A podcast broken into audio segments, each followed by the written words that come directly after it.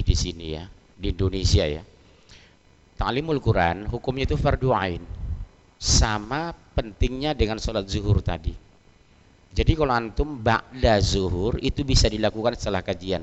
Karena sholat ba'da zuhur, qabla zuhur hukumnya apa? Sunnah muakkodah. Mendengar kajian hukumnya fardu ain satu. Yang kedua, membaca Al-Quran itu nilainya di bawah ta'limul Quran lebih bagus antum mengkaji Quran seperti ini setengah jam daripada antum membaca Quran dua juz. Kalau saya memberikan kajian etikop saya sering tegur yang baca Quran. Baca apa kamu itu saya bilang? Al-Quran Ustaz. Antum tahu nggak? Ini kita mengkaji Quran. Ta'limul Quran pahalanya lebih besar daripada antum baca Quran sambil nyender dua juz. Makanya untuk menjadi orang bertakwa itu butuh ilmu. Yang ketiga membaca Al-Quran tengah malam di malam hari itu lebih mulia daripada di siang hari. Itu dalilnya surat 73 1 sampai 6 yang ketiga kalau ada salam assalamualaikum warahmatullahi wabarakatuh jawabnya apa Pak? Kalau antum itu cukup? Itu dalilnya ada surat 4 ayat 86 tidak cukup. Jika kamu diberikan satu penghormatan salam kata Allah ini Al-Quran bukan hadis loh. Berilah yang lebih baik mau bagaimana punya ilmu ngajinya nggak mau. Ilmu itu variabel antara hukumnya fardu ain. Sama dengan sholat zuhur ini. Tapi banyak orang habis sholat zuhur pulang. Betul ya? Ini harus kita koreksi pemahaman umat Islam di Indonesia. Surat 4 ayat 86 jika kamu diberikan satu penghormatan salam beri yang lebih baik. Belum pernah sampaikan Ustaz di sini ya. Kalau assalamualaikum jawabnya apa? Waalaikumsalam warahmatullahi kalau Assalamualaikum warahmatullah Waalaikumsalam warahmatullah wabarakatuh. Kalau Assalamualaikum warahmatullah wabarakatuh Waalaikumsalam warahmatullah wabarakatuh Wa maghfirah wa rahmah.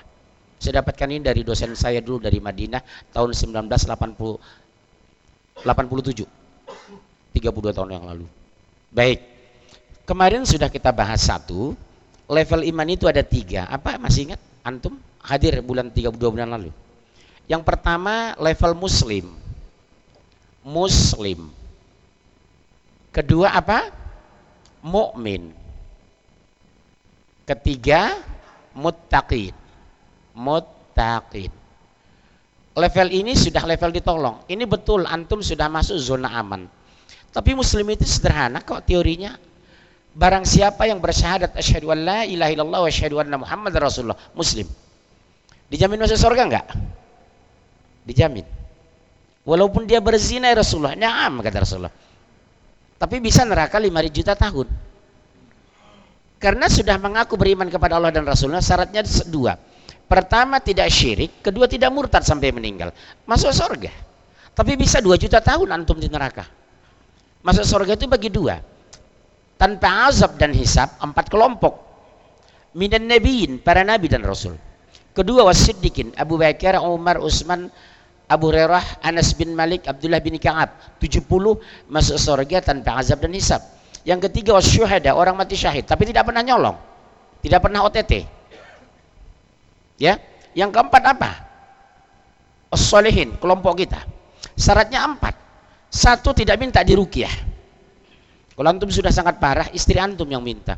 Ustaz tolong suami saya sudah tiga hari kemasukan jin Ustaz wajah memerah buang air nggak bisa. Ternyata jin sudah masuk di kantong kemih antum. Ditahan buang air kecil itu. Ternyata jin masuk di lambung antum. Nggak bisa buang air besar. Ternyata jin sudah masuk di aliran darah antum. Antum kena jantung. Awalnya bisa penyakit goib loh. Begitu dirukia jinnya keluar. Aliran darah ke darah ke jantung lancar. Makanya kalau antum sakit yang pertama antum kontak siapa? Allah bukan dokter. Dokter itu jadikan alternatif ketiga dalam pengobatan. Yang pertama langsung, begitu saya diponis dokter, astagfirullah Pak Kiai, ada apa dok? Gula darah Pak Kiai 600 lebih. Mengkhawatirkan bagi saya nggak ada khawatir. Munzir meninggal bukan karena sakit, Munzir meninggal karena takdir. Sepakat? Antum kalau sakit jangan takut. Sakit itu nikmat. Kenapa? Menghapuskan dosa-dosa kecil. Diminta atau tidak minta. Penyakit saya banyak loh. Asam urat, kolesterol, mah, asma, diabetes kadang sampai 600 lebih nggak terukur tapi lihat wajah saya Alhamdulillah masih fresh kayak Aliando betul syaratnya sederhana syukuri dan sabar ya sabar dan bersyukur Sebab kalau sudah bersabar diberikan apa? Ketenangan jiwa. Levelnya ada empat memang. Antum di mana sekarang? Kita bahas tahun 2021 nanti. Pertama sabar. Di atas sabar apa? Syukur. Di atas syukur apa? Ikhlas. Di atas ikhlas apa? Ridho. Subhanallah. Di atas siapa ini? Hidayah. Untuk sampai di sini harus dapat hidayah. Untuk dapat ini ada variabel antara namanya ilmu. Makanya menuntut ilmu hukumnya fardu ain. Kenapa orang tidak bisa bersabar? Enggak ada ilmunya. Kenapa tidak bersyukur? Enggak ada ilmu. Kenapa enggak ikhlas? Tidak ada ilmu. Kenapa tidak ridho? Enggak ilmu. Kenapa semua enggak dapat ini? Karena tidak ada hidayah. Betul? Enak kan ngaji Islam itu? Level pertama orang paling banyak di Indonesia. Buktinya mana? Variabelnya mana? Indikatornya mana? Negeri Indonesia Islam terbesar di dunia musibah tidak diberhentikan. Sumatera dikepung asap. Bahasa Arabnya apa? Duhon. Pulau Jawa dikepung kekeringan. Kalimantan kesulitan. Wamena pembunuhan. Indikatornya ada. Dalilnya mana? Surat 796. Walau anna ahlal qura amanu wattaqau la fatahna alaihim barakatim minas sama'i wal. Seandainya penduduk negeri itu beriman dan bertakwa, variabelnya cukup dua loh. Iman dan takwa lafatahna alaihim barakatim minas sama'i wal. Pasti kami turunkan keberkahan dari langit kami keluarkan dari bumi. Pernah ke Turki? Pernah ke Qatar? Pernah ke Jerman? Jerman negara maju itu negara berkah. Kencang aja mas, tunjukkan jantannya. Jerman negara maju itu negara berkah. Amerika negara maju itu negara berkah. Saudi Arabia negara maju itu negara berkah. Berkah. Indonesia maju itu berkah maju belum berkah Allah alam tahu antum indikasi negara berkah coba jalan ke Swiss lebih nyaman bernapas di Swiss daripada di pinggiran Otoba subhanallah per 200 meter ada fasilitas untuk air minum law enforcement penegakan hukum bagus trotoar bisa dijilat karena bersih kalinya bening ikan berkeliaran masukkan kaki antum ke Sungai Rin pernah ke Jerman masukkan ke Sungai Rin itu beningnya Masya Allah coba antum masukkan kaki ke Ciliu dua hari infeksi jadi ada variabel. Ya. Alat ukurnya apa, Pak? Karena kita Islam, Al-Qur'an. Pasti kami turunkan keberkahan saking pundi, nje? Saking langit lan bumi. Dari mana pe berkaiko ke Allah. Dari langit dan bumi ke orang awak.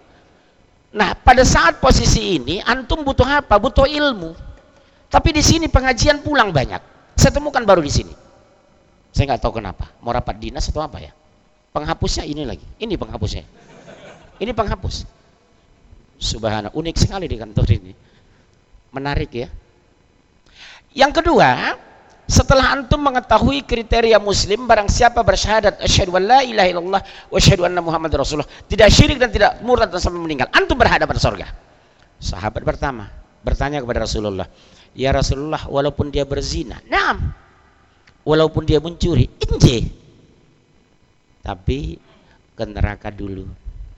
Makanya antum jangan kaget. Banyak orang mengaku Islam nggak sholat. Banyak mengaku Islam tidak tidak saum banyak orang mengaku Islam masih zina. Saya suka riset saya beda dengan ustaz lain. Saya setiap acara riset sama anak muda. 10 anak muda yang saya kumpulkan 8 di antaranya sudah melakukan hubungan seks. Padahal berjenggot. Kening sudah retak. Karena taat benturan Allah alam. Celananya sudah gantung kayak saya. Secara teori fisik dan tampilan harusnya sudah menjaga diri. Sholat tidak tinggal ke masjid baca Quran Masya Allah Ustadz Sunnah diikuti Senin Kemis jalan kenapa masih berzina jawaban kalau antum jawaban benar boleh pulang apa kira-kira tes lesin padahal secara teori inna sholata tanhanil fahsy wal munkar wal bau Sholat mencegah perbuatan keji dan mungkar. Kenapa orang rajin sholat masih jahat? Orang ngaji masih ngerumpi. Senin Kemis tidak peduli. Ada ustadz meninggalkan masjid. Ada apa masalah apa? Apa ada masalah ini? Antum yang dari PDIP yang merah apa ini masalah? Ada ada apa Indonesia? Ada apa negeri ini sekarang? Tahu kenapa bahasanya? Mau tahu jawaban yang pas? Kenapa Allah tidak jaga beliau sholat tidak tinggal Senin Kemis dijalani tengah malam bangun Al-Quran dua juz jawabnya sederhana Pak Perdiansyah apa jawabannya ibadah tidak ikhlas Allah tidak memelihara ibadah tidak ikhlas karena ibadahnya bukan untuk Allah Sama dengan mobil Ferrari parkir di depan rumah saya. Nggak ada urusan saya kalau itu mahal. Untuk apa saya menjaga? Orang bukan untuk saya dan bukan punya saya. Sepakat? Enakan logikanya? Inna salati wa nasuki wa mahyaya wa mamati lillahi rabbil alamin la syarika lahu. Kita kadang menangis membaca ini. Inna salati wa nusuki wa mahyaya wa mamati lillahi rabbil alamin la syarika lahu. Sesungguhnya hidupku, matiku, solatku, ibadah untuk Allah. Ternyata masih berzina. Ibadah tidak ikhlas. Allah biarkan antum. Subhanallah. Jawabnya sederhana. Ibadah tidak ikhlas. Contoh sahabat yang paling ikhlas siapa? Umar bin Khattab. Kalau takdirkan Umar di sini dihidupkan hari ini. Sekian ratus meter setan itu lari. Hebatnya penjagaan Allah terhadap orang yang ikhlas itu mukhlisina lahuddin. Kenapa bisa ibadah ikhlas? Satu dapat hidayah, kedua punya ilmu. Oh, baru beli ya. Sini sini. Kemarin sudah kita klarifikasi. Karena di sini bisa berpeluang satu bisa murtad loh.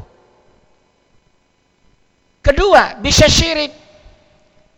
Orangnya sebut mush. Ketiga, bisa munafik. Mau, Masya Allah, na'udzubillah ya. Karena ada dalilnya surat 2 ayat 8. Wa minan nas may yaqulu amanna billahi wal yawmil akhir wa ma hum bimumin. Ada di antara manusia mengaku beriman kepada Allah dan hari akhir. Allah batalkan tegas wa ma hum bimumin. Mereka tidak beriman, munafik. Itulah kelas muslim itu. Di kelas ini antum gak ditolong. Makanya jangan kaget. Ya. Jangan kaget banyak orang mas sholat tapi jahat. Karena tujuannya bukan mencari ridho. Kang Asep kenapa tuh mah nggak ke masjid lagi? Mertua sudah pulang ke Garut. Rupanya ke masjid karena ada mertua. Teh tilu bulan atau mah kenapa nggak sholat sunnah? Nggak saum Senin Kemis. Berat badan abdi mah sudah ideal. Ternyata saum Senin Kemis karena overweight. Ini besok terkoreksi di padang mahsyar termasuk antum yang duduknya dari ini. Itu kelihatan di CCTV besok Kapan kita besok dihisap? Sejak kita mimpi laki-laki keluar sperma, mimpi basah, perempuan head, sampai ruh sempurna keluar. Masya Allah. Ini hisap besok ini. Siapa yang pulang tadi ketahuan. Besok dipertanyakan, kenapa ada pengajian pulang? Jangan antum senyum loh, ditanya besok ini. Apa karena beda guru, beda radio? Betul kan? Makanya saya doa, mudah-mudahan setelah dilantik Pak Jokowi kemarin, Pak Jokowi mengeluarkan inpres instruksi presiden kepala pejabat eselon 1 2 kepada dirut BUMN sampai staf wajib mengikuti kajian dan sholat jamaah. Saya tidak bisa bayangkan bagaimana majunya Indonesia seperti Turki. Saya keliling di Turki, saya sampai ke rumah Erdogan. Masya Allah. Acara nasional, kalau kita kan hadirin, kami mohon tenang pembacaan ayat suci Al-Quran oleh Kori International. Ada presiden, ada Kapolri kan gitu Indonesia. Di sana enggak, yang baca Qurannya langsung pembacaan Al-Quran oleh Presiden Turki Bapak Dr. Erdogan. Kepada beliau kami persilakan. A'udzubillahi minasyaitonirrajim. Berkah enggak? Berkah enggak? Subhanallah, lihat Sumatera Utara. Letnan Jenderal Edi Rahmayadi. Begitu dilantik jadi gubernur, langsung kepala humas perintahkan setiap jam sholat zuhur asar kantor gubernur Sumatera Utara wajib sholat jamaah Begitu azan yang pertama turun gubernurnya. Ibu muslim nggak? Muslim.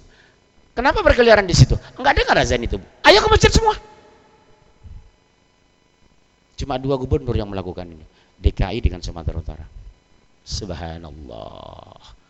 Saya bermimpi Pak Jokowi melakukan itu supaya negeri ini berkah.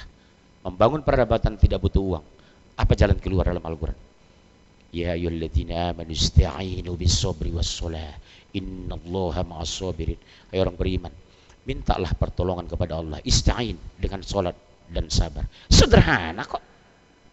Saya nggak pusing ke ke toko loh. Ya Allah bajuku sudah kumuh. Dikirim dua lusin. Celanaku sudah tua. Dikasih empat. Jam tangan sudah habis. Dikasih dikirim. Saya ikuti aja itu. Salat aja antum jamaah suka berzikir, sedekah tidak tinggal. Istighfar jangan tinggal. Rezeki antum dijamin sampai mati. Kenapa susah? Dua kemungkinan. Dosa numpuk tapi tidak istighfar. Ibadah meningkat tidak bertobat, tidak ikhlas. Yang ketiga punya uang tapi tidak mau sedekah. Guru, sudah sekian tahun kami nikah, tapi belum punya anak. Banyak sodakoh, banyak istighfar. Guru, negeri kami kekeringan, kemarau panjang. Banyak istighfar, banyak sodakoh. Guru, saya alumni S2 dari Houston, S1 dari ITB. Belum juga jadi GM di, XL.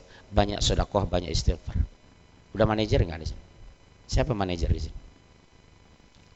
Ada manajer di sini. Senior Vice President ada nggak di sini? Kalau Pertamina langit ceramah itu langsung di rootnya Pak Dwi dulu. Kalau di Brunei itu yang ceramah langsung Raja Bolkiah. Jadi saya sebenarnya ngisi kajian lebih nyaman luar negeri.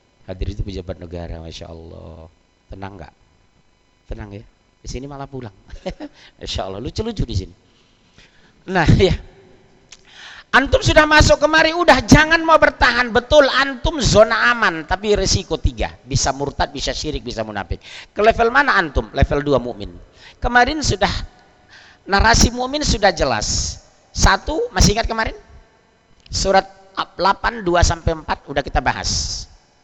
Di antaranya apa? Innamal mu'minuna alladzina idza dzukirallahu wajilat qulubuhum. Jika disebut nama Allah bergetar hatinya. Kenapa ada getaran? Karena cinta. Udah udah nikah.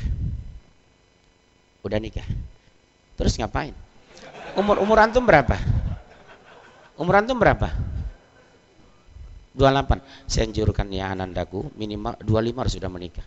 Karena ini hadis Rasulullah kalau ketemu anak muda pasti bertanya udah nikah antum? Belum Rasulullah. Umur berapa? 25 kenapa enggak bu menikah enggak ada uang Rasulullah ambil panggil sekretaris tolong minta dana walimatul urus apa itu Abdurrahman bin Auf, Umar bin Khattab. Makanya yang saya tanya ini ikut sunnah ini. Solipus Soleh melakukan ini. Tapi masalah uang nggak ada masalah. Udah punya calon nggak di usia 28 ini? Jujur. Nanti kirim data sama saya, saya carikan.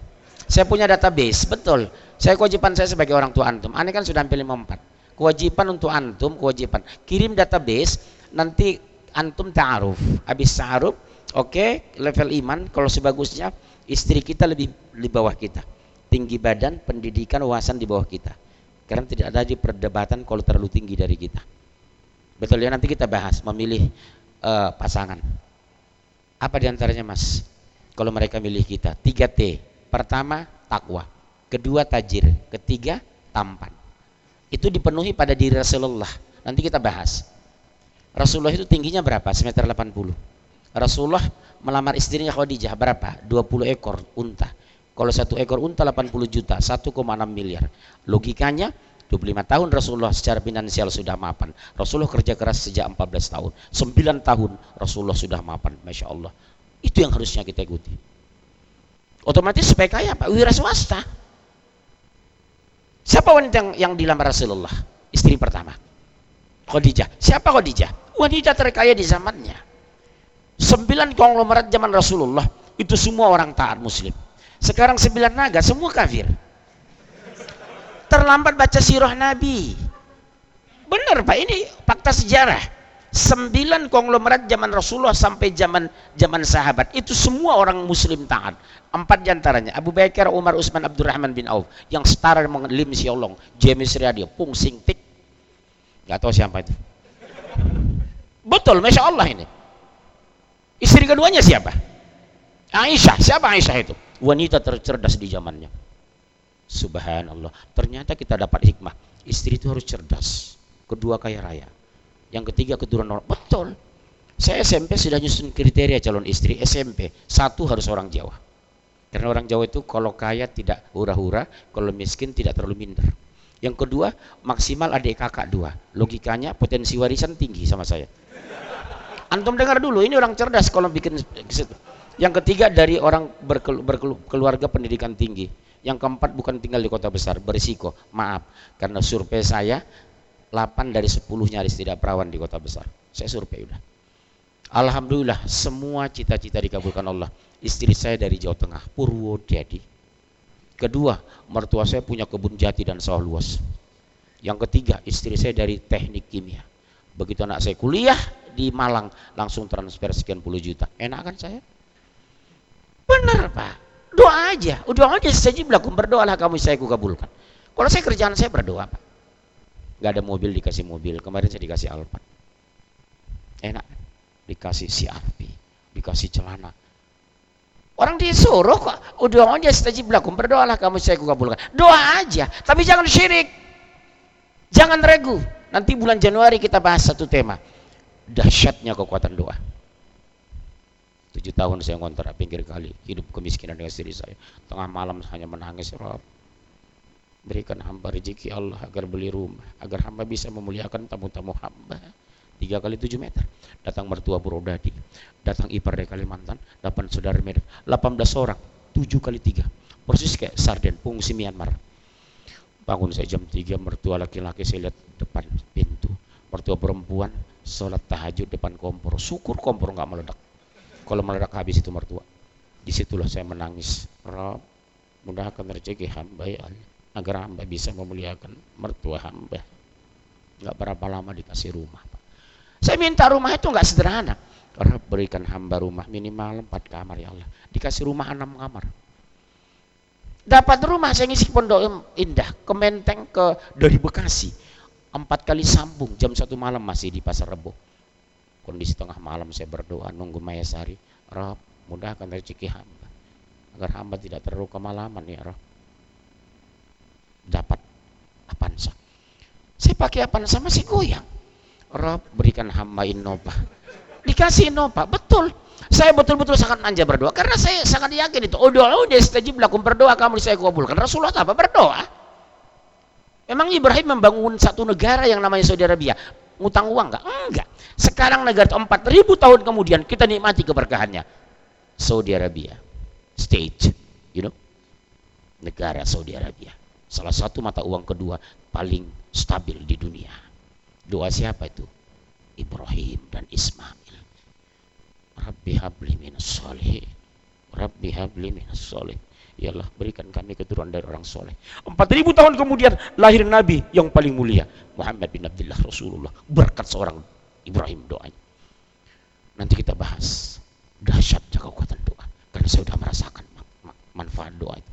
Apalagi antum yang muda ya 10 malam terakhir itu jangan antum buang buang air mata di sajadah itu.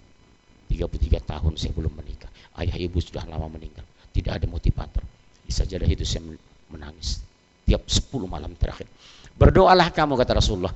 Karena nasib kamu setahun ke depan sangat ditentukan 10 malam terakhir. Menangis antum di situ. Allah tidak akan biarkan air mata seorang mukmin ketika keluar air mata di sujud itu.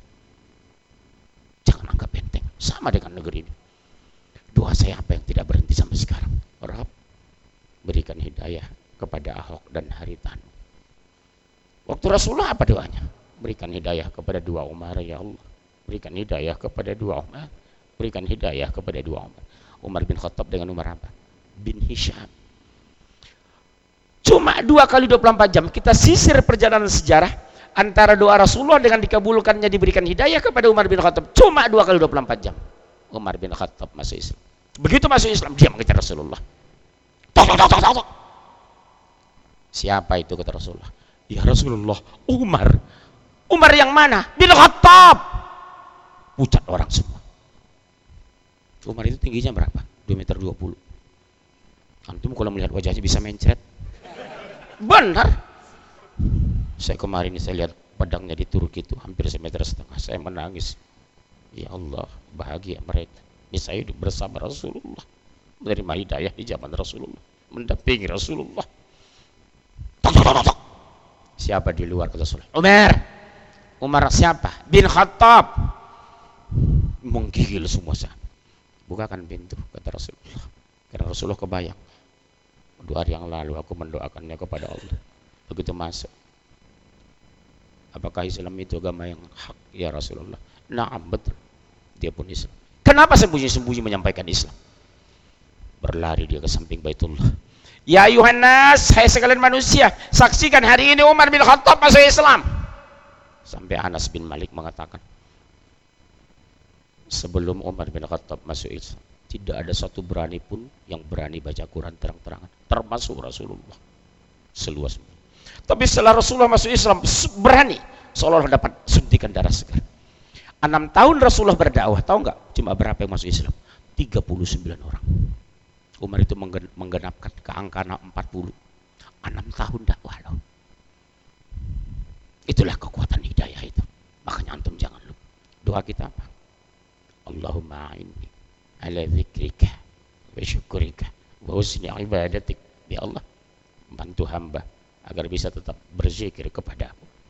Bantu hamba agar bisa terus bersyukur kepada. Bantu hamba agar bisa beribadah dengan baik. Wa husni ibadatik. Jangan berhenti doa itu. Allahumma inni ala zikrika wa syukurika wa husni ibadatik. Kalau Umar berdoa itu menangis. Anandaku menangis. Waktu mensolatkan, waktu memandikan Umar bin Khattab. Di bawah matanya seperti talang air. Di malam al dihabiskan menangis. Setahu saya, 11 tahun jadi khalifah. Cuma enam kali mau imam solat subuh, isya, maghrib. Setiap disuruh, fadl ya Umar. Afwan, mohon maaf. Aku jika baca Quran di waktu sholat, aku menangis. Itulah kelembutan hati Umar. Sampai Rasulullah mengatakan, seandainya ada Nabi sesudah Umar lah orang.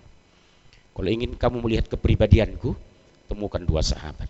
Kelembutanku pada Abu Bakar Siddiq, ketegasanku pada Umar bin Khattab. Inspirasi dari itulah anak saya saya kasih nama Umar Hanifah, anak nomor tiga. Berharap menjadi ulama 30 tahun ke depan. Subhanallah. Kita teruskan ini. Sampai jam berapa ini? Jam 2 boleh antum aja sini ya. Innamal mu'minuna alladzina idza dzukirallahu wajilat qulubuhum. Ternyata jika disebut nama Allah, bergetar hatinya. Umar itu udah kelihatan itu. Yang bergetar apa? Hatinya, bukan badannya. Karena kalau tubuhnya itu malaria. Ilmiah kan? Kenapa ada getaran? Cinta, mahabbah. Akidah itu terbagi. Pertama mahabbah, kedua apa? Khauf, takut. Yang kedua, apa kata Allah di sini? Apabila dibacakan ayat kan kami bertambah imannya, subhanallah. Bukan uangnya, karena tujuan kita beriman bukan mau kaya, tapi mau tenang. Apa yang antum dapatkan kalau dekat dengan Allah? Apa mas? Ketenangan jiwa, subhanallah. Saya baru mengislamkan orang dari Belanda. Dia uh, Katolik taat, istrinya, ayahnya, ibunya, semua Katolik taat. Tiba-tiba dia ateis. Saya tidak temukan sesuatu yang saya pingin. Apa dibilang? Dua jam dialog dengan saya, orang Amsterdam, konglomerat dari Amsterdam. Saya bilang, apa yang anda janjikan kalau saya masuk surga, kalau saya masuk Islam? Sederhana kok. Apa? Ketenangan jiwa. Ini yang saya cari. Teriak dia. Ini yang saya cari. Islam itu menjanjikan ketenangan jiwa karena Allah menjaga hati orang yang beriman. Qalbun salim. Jadi kalau maaf ya Pak, jangan tersinggung. Kalau Bapak masih rajin sholat tapi gelisah, ikhtiar maksimal tapi tidak ada rezeki, bisnis tender tidak pernah menang, something wrong. Can you speak English? No smoking. Ya, ada yang salah. Apa yang salah Pak? Maaf, jangan marah. Dosa numpuk tapi tidak bertobat. Ibadah betul meningkat tapi tidak ikhlas. Allah tidak pelihara orang ini. Tolong evaluasi. Maaf, mungkin ada yang antum afwan ya, afwan. Mungkin pernah antum berzina. Minta ampunlah kepada Allah menangis. Ampuni hamba ya Allah, hamba khilaf. Tubu ilallahi taubatan nasuh. Innahu kana tawwaba. Sesungguhnya Allah Maha penerima taubat. Innahu kana tawwaba. Saya kalau bertemu dengan orang seperti ini, minta ampun ya nak demi Allah. Allah pemberi taubat. Pemberi penerima taubat. Apa pun yang kita lakukan dulu, minta ampun cepat. Kita nggak tahu kapan dipanggil. Ada jaminan antum hidup sampai sore. Antum ikhlas meninggal besok. Ikhlas? Ya udah, saya doakan besok meninggal. Ikhlas kan begitu. Ya. Ini sudah kita bahas kemarin. Kita lihat sekarang. Siapa sih orang mukmin itu? Yang ketiga apa? Apa itu? Buka dong Al-Quran. Buka dong. Masya Allah. Surat 8, 2 sampai 4. Pertama jika disebut nama Allah bergetar hatinya. Kedua jika dibacakan ayat kami bertambah imannya. Yang ketiga hanya kepada Allah dia bertawakal. Pasrah. Kenapa bisa pasrah antum kepada Allah? Karena yakin. Kenapa bisa yakin? Karena diturunkan hidayah. Kenapa diturunkan hidayah? Karena Allah berkehendak. Bagaimana kami Rasulullah kata sahabat? Banyaklah mau berdoa agar diturunkan hidayah. Dari siapa? Dari Allah. Makanya banyak berdoa. Udahun istajib laku. Berikan hidayah kepada hamba ya Allah. Berikan hidayah kepada hamba. Ada orang dapat hidayah, nggak dapat iman, inayah. Antum sekarang sudah dapat hidayah hari ini. Mau mendengarkan ceramah Quran, mau mendengar talimul Quran, tapi pulang ke rumah nggak diteruskan, berarti belum dapat inayah. Kebenaran didengar tapi tidak diamalkan. Oh, antum sudah dapat inayah, tapi beribadah belum benar. Takbirnya belum jelas. Allahu Akbar. Allahu Akbar. Antum sudah dapat inayah. Dan antum sudah dapat hidayah, tapi belum benar beribadah. Belum dapat apa antum? Taufik. Apa definisi taufik? Kemampuan mengamalkan hidayah yang didapat itu hidayah. Itulah taufik. Makanya ada hidayah, inayah, taufik. Makanya kalau bertemu dengan anak kecil disunahkan, anggap aja dia kecil sini mas sini cepat cepat cepat sini cepat kadia kadia kadia tuh kadia. Umur berapa mas? Udah nikah? Oh masih kecil, praktek di sini. Udah punya calon istri. Cita-cita suku apa? Sukunya apa? Enggak jelas. Jawa, Padang, Batak, Betawi. Betawi. Calon istri mau orang mana?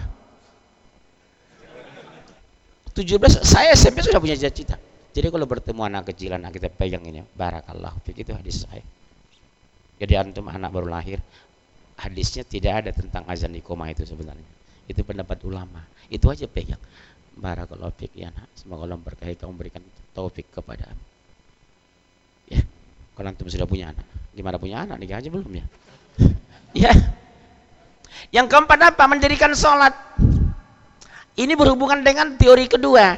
Surat 23 siapa sih orang mukmin itu? Ayat 1 sampai 11 langsung baca. Aqimis sholah.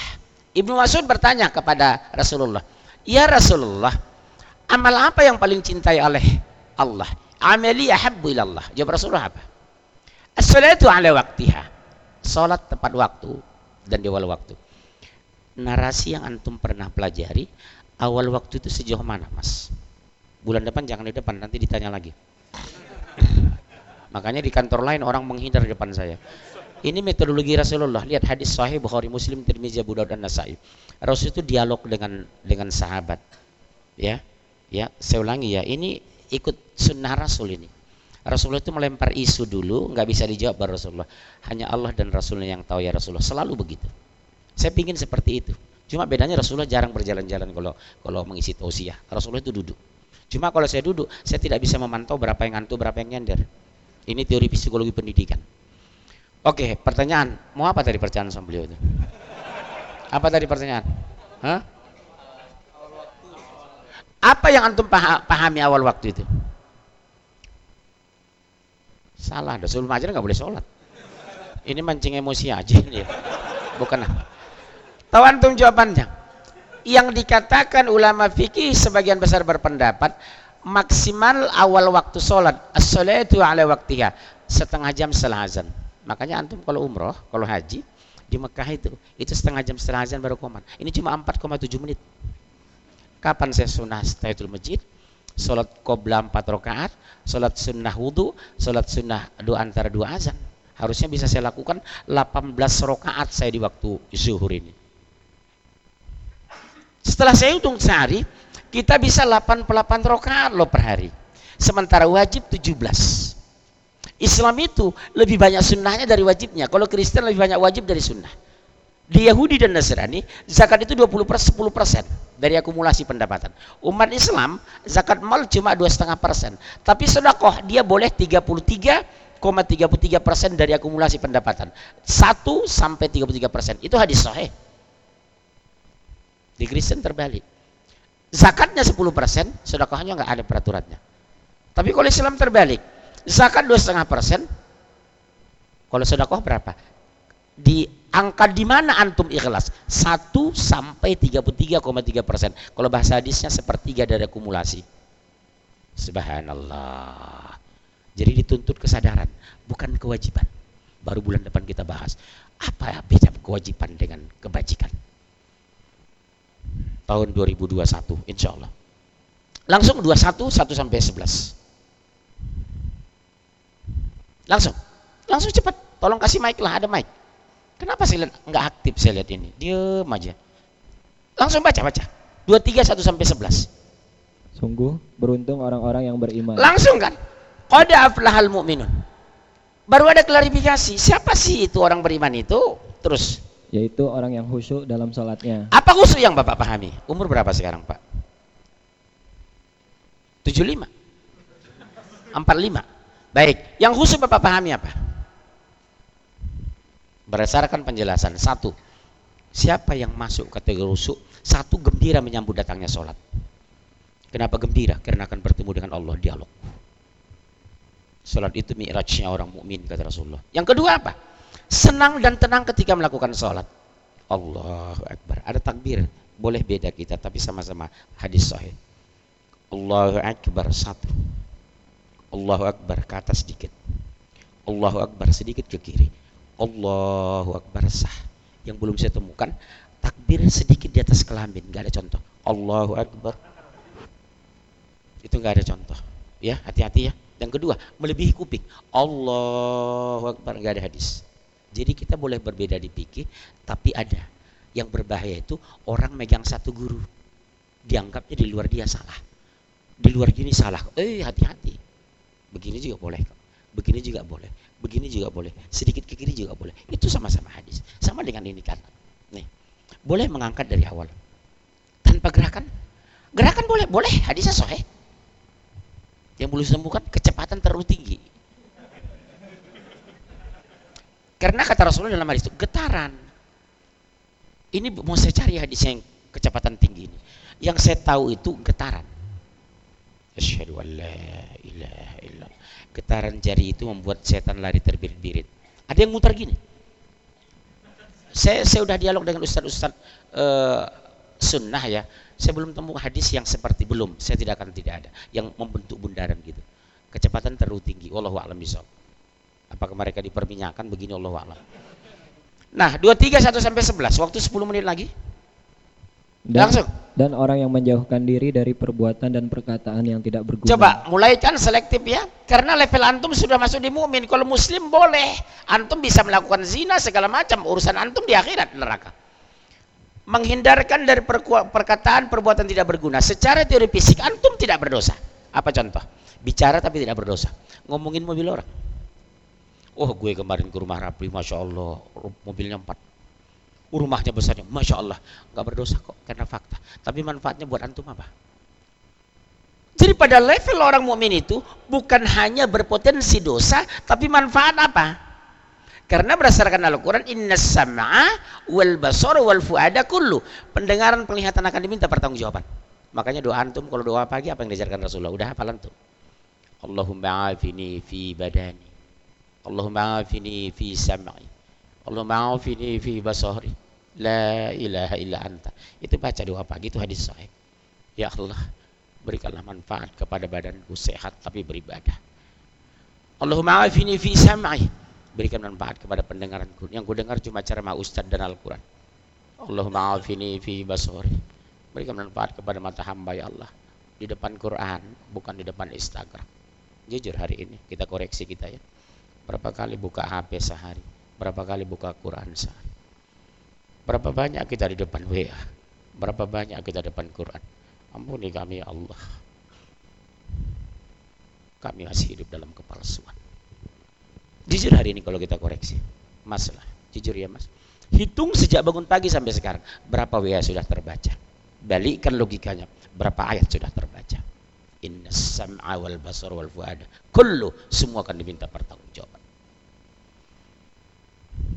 Makanya narasi saya sederhana. Ini live ya, live. Tolong matikan sebentar. Atau rekaman saja. Direkam aja jangan live. Tahu nggak? Ini harus jujur saya ide bioskop, diskotik, naik klub, kafe itu bukan dari orang Islam ide itu, dari orang kafir itu. Karena mereka butuh hiburan. Muncullah ide bioskop. Bioskop itu nggak Islami. Di mana letak tidak Islaminya? Masuk bioskop lampu dimatikan. Sopan nggak itu kita tamu? Kedua, kita disunahkan bertemu dengan saudara seiman bersalaman. Kedua, mengucapkan assalamualaikum berdasarkan hadis. Salah satu laki-laki orang yang paling mulia kata Rasulullah, pertama mengucapkan salam. Sejak hadis itu didengar oleh Umar bin Khattab. Tahu apa yang lakukan Umar? Berkeliaran di pasar. Kepergok sama sahabat. Wahai Umar, kenapa engkau berkeliaran di pasar ini? Engkau bukan pedagang di sini. engkau bukan mau beli dagangan dan engkau bukan pengurus pasar ini. Tahu apa jawab Umar? Aku ingin mengucapkan salam kepada saudara muslim yang kutemukan berkeliaran di pasar ini. Mengingat pahalanya luar biasa. Coba antum masuk bioskop. Assalamualaikum. Maaf pak, nggak usah salam, langsung aja duduk. Enggak Islam karena ide itu bukan dari Islam. Mereka butuh hiburan karena tidak ada ketenangan jiwa. Saya jujur loh, kalau saya banyak non muslim di Medan itu. Rumah besar, fasilitas lengkap, sarana cukup, tapi stres. Kemarin saya lihat di Eropa begitu, mereka cantik segala macam, tapi stres. Saya bilang negeri kami masih lebih sopan dari Anda. Negeri kami monyet aja pakai baju, lihat topeng monyet. Mereka tuh segini Pak, pakai kolor doang kalau musim panas kita ke Eropa itu. Makanya saya menghindar musim panas tengah mau saya diundang, walaupun dikasih satu miliar. Risiko Pak, segini. Di taman itu mereka berpelukan, hubungan seks di meja itu biasa. Jadi kalau udah di atas SMP mereka biasa. Bapaknya pulang ke rumah, anybody home, anybody home? I'm sorry, saya lagi making love. Bapak ibunya nunggu di luar karena hak mereka. Cuma syaratnya harus pakai kondom. Itulah mau digiring Indonesia sekarang. Sekulerkan orang muslim. Hilangkan akhlak. Perkenalkan etika. Hilangkan agama yang masuk peradaban civilization. Civilization gak mau sama dengan agama, sepakat? Akhlak tidak sama dengan etika. Step ini mereka tempuh sekarang. Waspadai antum hari ini loh. Antum tantangan terbesar. Antum akan dipisahkan dari Al-Quran hati-hati berjenggot kenapa? Terpapar radikal. Hati-hati bercadar istri teroris. Hati-hati yang rajin ke masjid. Jangan-jangan dekat Ustadz Munzir. Saya kan Ustadz radikal. Makanya banyak yang pulang takut mungkin. Terpapar radikal. Urusan ke sembilan. Level saya lebih tinggi dari Haikal Hasan. Dulu Haikal Hasan 7 sekarang turun dia ke level 12 saya naik ke level 9 sudah lima tahun Ustadz radikal level 9 tapi apakah saya bicara Quran saya radikal? Apakah saya bicara kebenaran saya harus dimusuhi? Apakah aku bicara firman harus dibenci? Silakan antum benci. Silakan semua orang membenci aku negeri ini. Asal jangan aku jauh dari Allah. Lihat Ibrahim itu. Detik-detik begitu dilempar ke api. Taat tanpa syarat. Apa dia bilang? Rob, engkau sendirian Esa di langit. Aku sendirian menyembahmu di bumi bukan hanya negara. Di bumi tinggal satu yang beriman Ibrahim. Hasbunallah ini amal wakil. Ini amal maula wa ni'man nasir. Engkaulah sebaik-baik penolong. Itulah hari ini. Taat tanpa syarat. Tapi Allah bela tanpa syarat.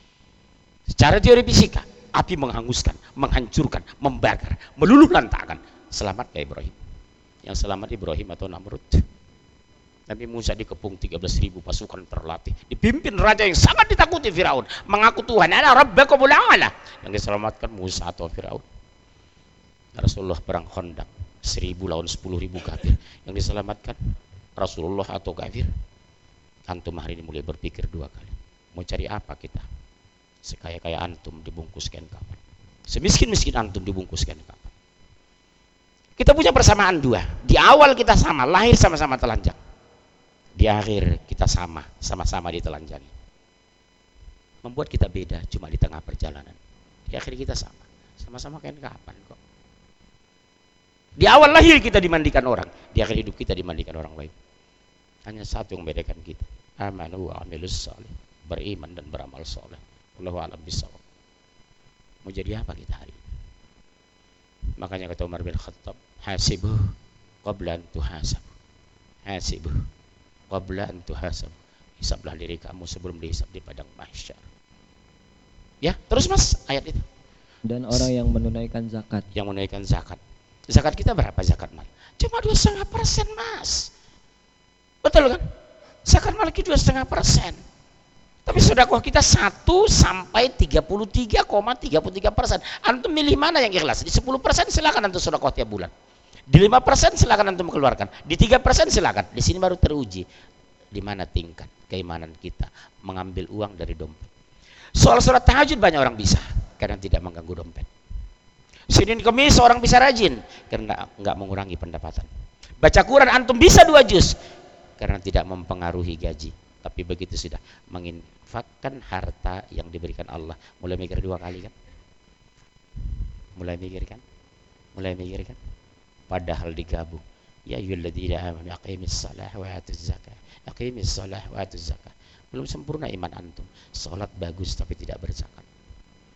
Allah alam bisa. Terus ayat, terus ayat. Dan orang yang memelihara kemaluannya. Apa itu berzina? Zina itu dua bagian. Ada zina tangan, zina mulut, zina mata. Zina tangan perabaannya kata Rasulullah.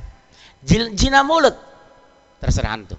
Zina kuping pendengaran. Zina mata apa yang dilihat. Tapi zina akan terhenti ketika bertemunya antara dua parji. Maaf, saya pulgar ya. Penis dengan parji. Parji itu bahasa Arab. Bahasa Latinnya vagina. Muncullah ide orang jil. Tahu jil ya? Jaringan iblis lokal. Apa itu? Karena berdasarkan hadis yang dikatakan zina sesungguhnya bertemu dua dua kelamin, dua khitan, boleh melakukan hubungan seks asal pakai kondom karena ada lapisan. Itu tafsir atau setan itu yang ngomong itu? Setan enggak itu? Itulah sekarang gerbong mereka penuh di Indonesia. Hati-hati antum. Hati-hati ya. Tapi saya yakin anandaku yang hadir di sini terpelihara dan dipelihara oleh Allah. Sederhana kok konsepnya. Banyak berlindung kepada Allah. Lindungi hamba ya Allah. Dari fitnah-fitnah subhat dunia ya Allah. Makanya sebagusnya antum nikah. Kalau nggak puasa, kenapa ilmiahnya suruh puasa? Karena puasa lemes. Pak menghilangkan nafsu, nafsu ada tapi lemes. Enak kan teori Islam itu? Maka saumlah kata Rasulullah. Kenapa kalau lemas nggak mikirin itu kita? Konsentrasi mikirin apa? Bukaan. Membu bukan yang membuka yang itu. Enak kan ilmiah kan Islam itu. Disuruh puasa kamu. Kenapa? Menundukkan nafsu, bukan mematikan nafsu. Kalau matikan impoten. Makanya haram kita nikah kalau impoten. Haram wanita menikah kalau dia apa bahasa itunya? Prigit. Di malam pertama antum tidak merasakan gini, seolah-olah antum melakukan hubungan dengan jenazah. Antum boleh minta mas kawin itu. Dia tidur raja ngangkangin. Apa rasanya? Udah nikah. Udah merasakan ya? Kalau ini gak usah ngomong, gak usah komentar. Islam itu ilmiah loh, betul. Makanya sebelum ada ada ta'aruf, Bu, anak ibu normal enggak? Kamu menghina? Enggak demi Allahnya, Bu? Saya ingin malam-malam saya menyenangkan dan menyenangkan dia. Seorang laki-laki bertemu kamu udah menikah udah Rasul dengan siapa? Dengan janda. Kenapa kamu tidak menikah dengan gadis? Subhanallah disunahkan kita menikah dengan gadis.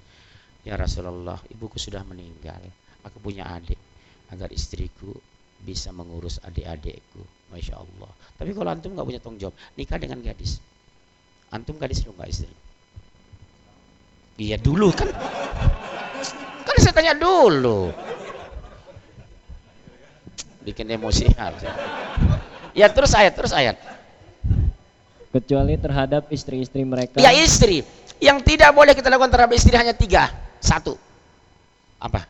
Hubungan seks ketika haid kedua nipas yang ketiga apa melalui anus silakan antum model seperti apa makanya laki-laki yang bagus itu variatif hubungan seksnya kalau antum kurang-kurang belanja istri mungkin bisa bertahan tapi kalau kurang-kurang kebutuhan seks dia uring-uringan karena seks itu bagian penting bagi laki-laki. Kalau kita enggak, kerja kita rapat sudah, capek pulang ke rumah.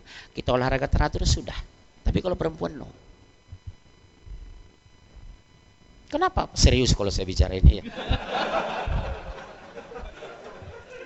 Bahkan antum boleh posisi bersenggama ketika istri haid. Itu hadis sahih. Rasulullah di atas tubuhnya Aisyah, tapi maaf, kelaminnya ditutup dengan kain. Saya sekarang baru saya sadar, ternyata Rasulullah luar biasa sehat dan kekuatan seks sampai umur hampir 62 masih melahirkan anak. Siapa? Dari istri ke-11 Maria Al-Kipti dari dari Egypt Mesir. Namanya Ibrahim. Sampai 63 Rasulullah masih fit seksnya masih menggilir istrinya tahu kenapa rahasianya zikir tidak putus jadi antum kalau kurang-kurang goyang zikir banyak dalam hadis itu Rasulullah sholat subuh dipergoki sperma nempel di gamis Rasulullah. Karena sperma bukan najis, yang najis mazi. Banyak anak muslim nggak tahu. Tahu mazi? Cairan bening yang keluar di kelamin kita ketika kita sudah nafsu, udah libido naik. Tapi itu kena celana dalam kita itu itu najis. Tapi tidak wajib mandi. Kalau sperma kena busana tidak tidak najis tapi wajib mandi. Kalau kuliah saya dulu sering, saya lihat pulang kampus basah rambut Kenapa kamu mandi? Itu jiri keluar masjid. Astagfirullah. Mazi tidak mewajibkan mandi, yang mandi sperma. Sebaliknya, busana kita kena mazi itu najis. Mungkin antum masih ada nggak tahu di sini. Gak usah nikah lah kalau nggak tahu gituan. Jangan-jangan alasannya nggak nikah karena itu nggak tahu ini. Itu fikih toharoh. Itu fikih toharoh. Fikih bersuci itu. Jadi antum maaf maaf ya manusiawi kok. Antum melihat wanita cantik, tiba-tiba antum birahi naik, nafsu, libido naik, keluar di kantor ini cairan putih dari kelamin antum. Itu beresiko. Kolor nggak bisa dipakai. Kalau udah kering bisa, itu dikikis. Paling buka kolor kamar mandi, bagian terkecil itu bikin begini membersihkannya. Saya bicara teknis memang supaya anak-anak kita ngerti. Bikin posisi kolor yang kena mazi begini, udah itu tempelkan ke tembok, bikin begini supaya dia lengket di tembok. Bukan bukan kelamin antum, bukan kela, itu yang kolor. Ya bukan kelamin loh, kolor yang kena tadi.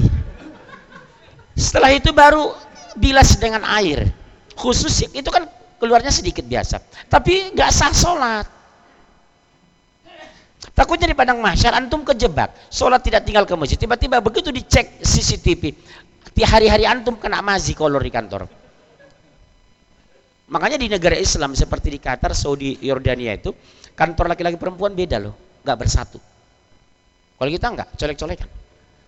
Pinjam dong komputernya, pinjam penanya. Di Jepang nggak bisa gitu, pernah ke Jepang? Belum, kasihan ya. Di sana nggak boleh, nggak boleh.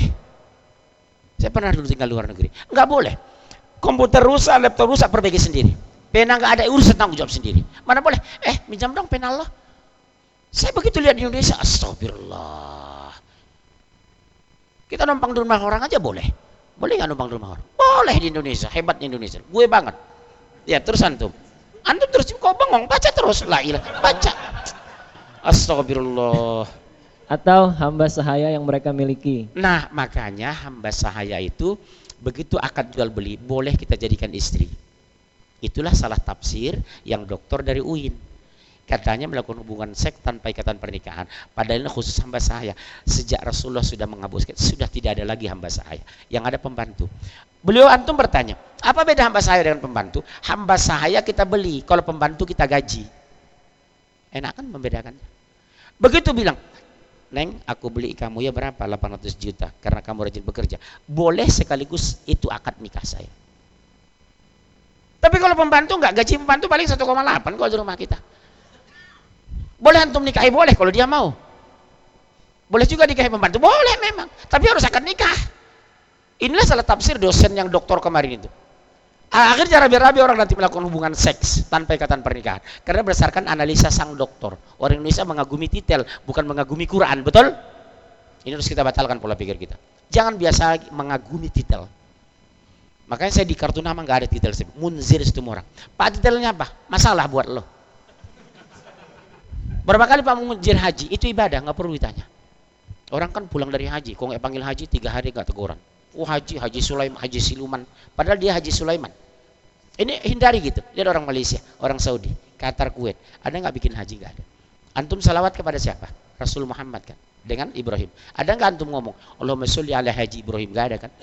Padahal membangun Mekah itu dia. Antum melihat Mekah aja sudah sombong. Ini kita robah, Pak. Sering saya, Pak muncul haji berapa? Astagfirullah. Itu ibadah, Pak. Jangan ditanya. Bapak sarjana, Pak. Nggak usah ditanya. Yang penting saya sarjana. Ya. Kenapa dia? Terus Maka sesungguhnya mereka tidak tercela. siapa yang nggak tercela itu? Tidak mengambil di luar istri. Karena Allah Allah itu maha adil, maha kaya, maha tahu. Allah haramkan zina, tapi Allah halalkan pernikahan. Hitungan 26 detik. Wallahi cuma 28 detik. Antum menjadi halal menikmati istri antum. Lihat jam. Aku nikahkan engkau dengan anakku Fatimah binti, binti Munzir orang dengan mas kawin 3 kg emas tunai 26 detik. Terserah saya itu anak saya. Sah nggak sah? Telekonferensi boleh Pak Munzir, anak saya S3 di Amerika boleh. Ngutang nggak boleh, tapi saksi menagih nanti. Aku nikahkan engkau dengan anakku mas kawin 3 kg emas, ngutang sekolah setengah. Udah saksi sah sah, baru saksi nanya, utang yang satu kilo setengah kapan kamu bayar? Di mana kamu bayar? Apa perjanjian dengan mertua? Itu boleh. Telekonferensi juga boleh kok. Ya, boleh ya? Udah, terus. Tetapi barang siapa mencari di balik itu zina dan sebagainya, maka mereka itulah orang-orang yang melampaui batas. Coba lihat, langsung Allah poniskan. Apa itu? Mencolek-colek wanita yang bukan mahram. Antum hindari ya bersalaman bukan mahram. Wallahi Rasulullah tidak pernah bersalaman bukan mahram. Mahram kita cuma 12. Mahram kita cuma 12 loh. Kalau laki perempuan terhadap kita cuma itu yang boleh bersalaman dia, suaminya, ayahnya, ibunya, mertua laki-laki, mertua perempuan, saudara kandung laki-laki, saudara laki-laki dari anak laki-laki. Cuma 12, selebihnya nggak boleh bersalaman. Bagaimana kalau antum bersemu? Salaman Sunda. Assalamualaikum bu, Assalamualaikum teh, badai mana tuh badai ngariu, udah pulang. Tapi kalau kita sama laki-laki rugi antum berdiri, antum berdiri. Masih ada waktu ya? Lima menit lagi. Jadi disunahkan kita bersalaman seperti ini. Selama tangan kita bersalaman sama muslim, dosa kamu digugurkan, kata Rasulullah, dosa kecil. Sejak mendengar ini, tahu nggak? Sahabat mengejar Rasulullah bersalaman. Apa kata dia? Belum pernah aku bersalaman dengan Rasulullah. Rasul pertama melepaskan tidak pernah. Karena sepanjang tangan kita bersalaman seperti ini, dosa-dosa kecil kita dihapuskan oleh Allah. Masya Allah. Jadi antum biasakan Assalamualaikum Waalaikumsalam. Apa kabar dek sehat? Barakallahu fiqh ya. Ini enggak bersalam Assalamualaikum. Ya. Karena apa? Variabel antara enggak punya Tidak punya ilmu. Assalamualaikum Waalaikumsalam. Sehat Pak. Sehat Barakallah ya. Keluarga Bapak sehat sehat. Istri sehat sehat. Mudah-mudahan Allah berkahi Bapak ya. Luar biasa loh kesan Doa itu luar biasa. Imam Malik Tahu Imam Malik? Imam Maliki. Besok aku mau berlayar katanya guru boleh aku ikut kata muridnya. Boleh tapi dengan syarat. Kalau aku bersin tolong doakan ya. Seorang imam besar Imam Malik masih membutuhkan doa muridnya luar biasa. Makanya kalau doakan orang saya sakit saya bilang Bu Afwan ya Bu hari ini aneh nggak bisa ngisi kajian. Kenapa Ustaz? Lagi sakit. Apa dia bilang? Syafakallah Ustaz. Ya semoga Allah mengangkat penyakit. Saya menangis itu dengar doa itu. Luar biasa. Doa dari seorang muslim saya yakin pasti ikhlas dia Syafakallah ya Ustaz. Mudah-mudahan Allah memberikan kesabaran sama Ustaz ya mengangkat penyakit antum. Amin ya Allah. Perkenalkan doa sahabat saudara-saudaraku. Ya, baik saya kira cukup sekian 5 menit lagi. Ada pertanyaan? Bulan depan bukan bulan depan, terserah mau kapan. Baru kita bahas. Kenapa harus bertakwa? Apa keuntungan bertakwa? Keunggulan orang bertakwa, sifat orang bertakwa, kerugian orang bertakwa. Empat bulan sampai menjelang Ramadan. Kalau saya di sini tiga bulan sekali berarti tahun 2021 baru selesai insya Allah. Ada pertanyaan? One man one question. Satu orang itu pertanyaan lebih dari satu akan tarif. Silakan. Baik, dari Ada pertanyaan uh, tentang apa saja boleh? Tentang kabinet susunannya kita bahas nggak apa-apa. Karena S1 saya setelah saya dari madrasah saya dari ilmu politik. Saya dari politik, hukum dan ekonomi makro. Makanya saya kalau kantor-kantor di Bursa Efek saya membahas ekonomi, kalau bertemu dengan presiden saya biasa politik, kalau bertemu dengan menteri saya membahas kebijakan publik, public policy. Ya, tapi saya tidak bikin gelar di KTB. Baik, memang di KTB nggak ada gelar. Ada pertanyaan, Nak? Baik, uh, Ustaz. Oh ya, antum. Ada via online. Baik, apa itu? Uh, ini dia submitnya kemarin, tapi kayaknya berhubungan dengan materi. Iya, pertanyaan antum langsung. Uh, pertanyaannya, Assalamualaikum Ustaz. Saya Waalaikumsalam warahmatullah. Saya pernah terjerumus zina bibir dengan perempuan. Lalu hmm. setelah itu saya menyesal dan taubat. Apakah taubat saya diterima? Insya Allah. Syaratnya bertobat diterima. Satu, tubuh ilallah taubat nasuha. Empat, satu, meninggalkan dosa. Ini sudah live. Udah live kan? Live kan aja. Udah, udah live. Udah ya? Dengar ya yang bertanya. Satu, meninggalkan dosa kedua menjauhi dosa, yang ketiga membenci dosa, yang keempat mengembangi dengan perbuatan baik. Ada orang begini, Ustadz saya sudah bertobat, buktinya saya tidak berzina, tapi nggak sholat, itu bukan bertobat. Pak anak saya baik, kenapa? 4 juta transfer ke rekening saya. Anak saya nggak berzina, bagus. Pak Munzir, Alhamdulillah anak saya baik. Kenapa? Anak saya tidak hura-hura, bagus anak saya pak nggak minum keras bagus. Anak saya kena tidak kena narkoba. Bagus. Maaf anak bapak sudah ke masjid sholat? Belum. Berarti bapak punya anak baik bukan anak soleh. Yang kita butuhkan hari ini pribadi soleh bukan pribadi baik. Jadi saran antum ikuti tadi. Meninggalkan dosa menjauhi dosa membenci dosa mengimbangi dengan perbuatan baik. Kalau orang dizolimi minta maaf. Kalau ngutang sama orang bayar hutang kepada Allah. Tubuh ilallah taubatan nasuha. Dengan catatan dua. Roh belum ditenggorokan matahari belum terbit di barat insya Allah Baik, pertanyaan kedua. Baik, eh, ini ada pertanyaan lagi. Yang kencang dong. Saya orang udah tua begini masih kencang. Kencang kencang. Baik, Ustaz. Ini eh, Assalamualaikum Ustaz. Waalaikumsalam warahmatullah. Untuk negeri kita ke depan bagaimana cara membangkitkan umat Islam agar Indonesia menjadi negeri yang Sederhana, sholat jamaah di masjid. Kedua, tolibul ilmu. Yang ketiga ibadah ikhlas. Negara-negara tujuh negara makmur di dunia, Saudi Arabia, Qatar, Kuwait, Uni Arab, Bahrain, Tunisia, Turki dibangun dari sholat jamaah. Yang kedua harus punya dasar akidah, uluhiyah, rububiyah, asma wa sifat. Ketiga ikhlas beribadah. Yang keempat semestaqamu istiqomah. Insya Allah Islam akan jaya di Indonesia. Kenapa Allah tidak menjayakan kita? Karena kita jauh dari Allah. Masih kecil yang ikhlas. Buktinya apa? Sumatera dikepung asap. Iya silakan Fadl. Habis pertanyaan? baik dari Baik dari jamaah boleh. Ini yang dari PDIP yang merah yang tengah sana ada. Ya, pemenang pemilu ya kita dahulukan. Silakan. Baik antum yang dari Golkar yang kuning ini ada. Ini ada. Ya ada pertanyaan antum? Baik kok nggak ada, syukuran barakallah. Mudah-mudahan kita bertemu Allah alam. Saya serahkan kepada DKM. Kalau antum nyaman dengan pengajian silakan undang. Kalau nggak nyaman tidak usah undang apa-apa. Saya orangnya begitu kok. Baik doa kafaratul majlis. Subhanakallah bihamdika. Asyhadu an la ilaha illa anta astaghfiruka wa atubu ilaik. Sampai jumpa. Assalamualaikum warahmatullahi wabarakatuh.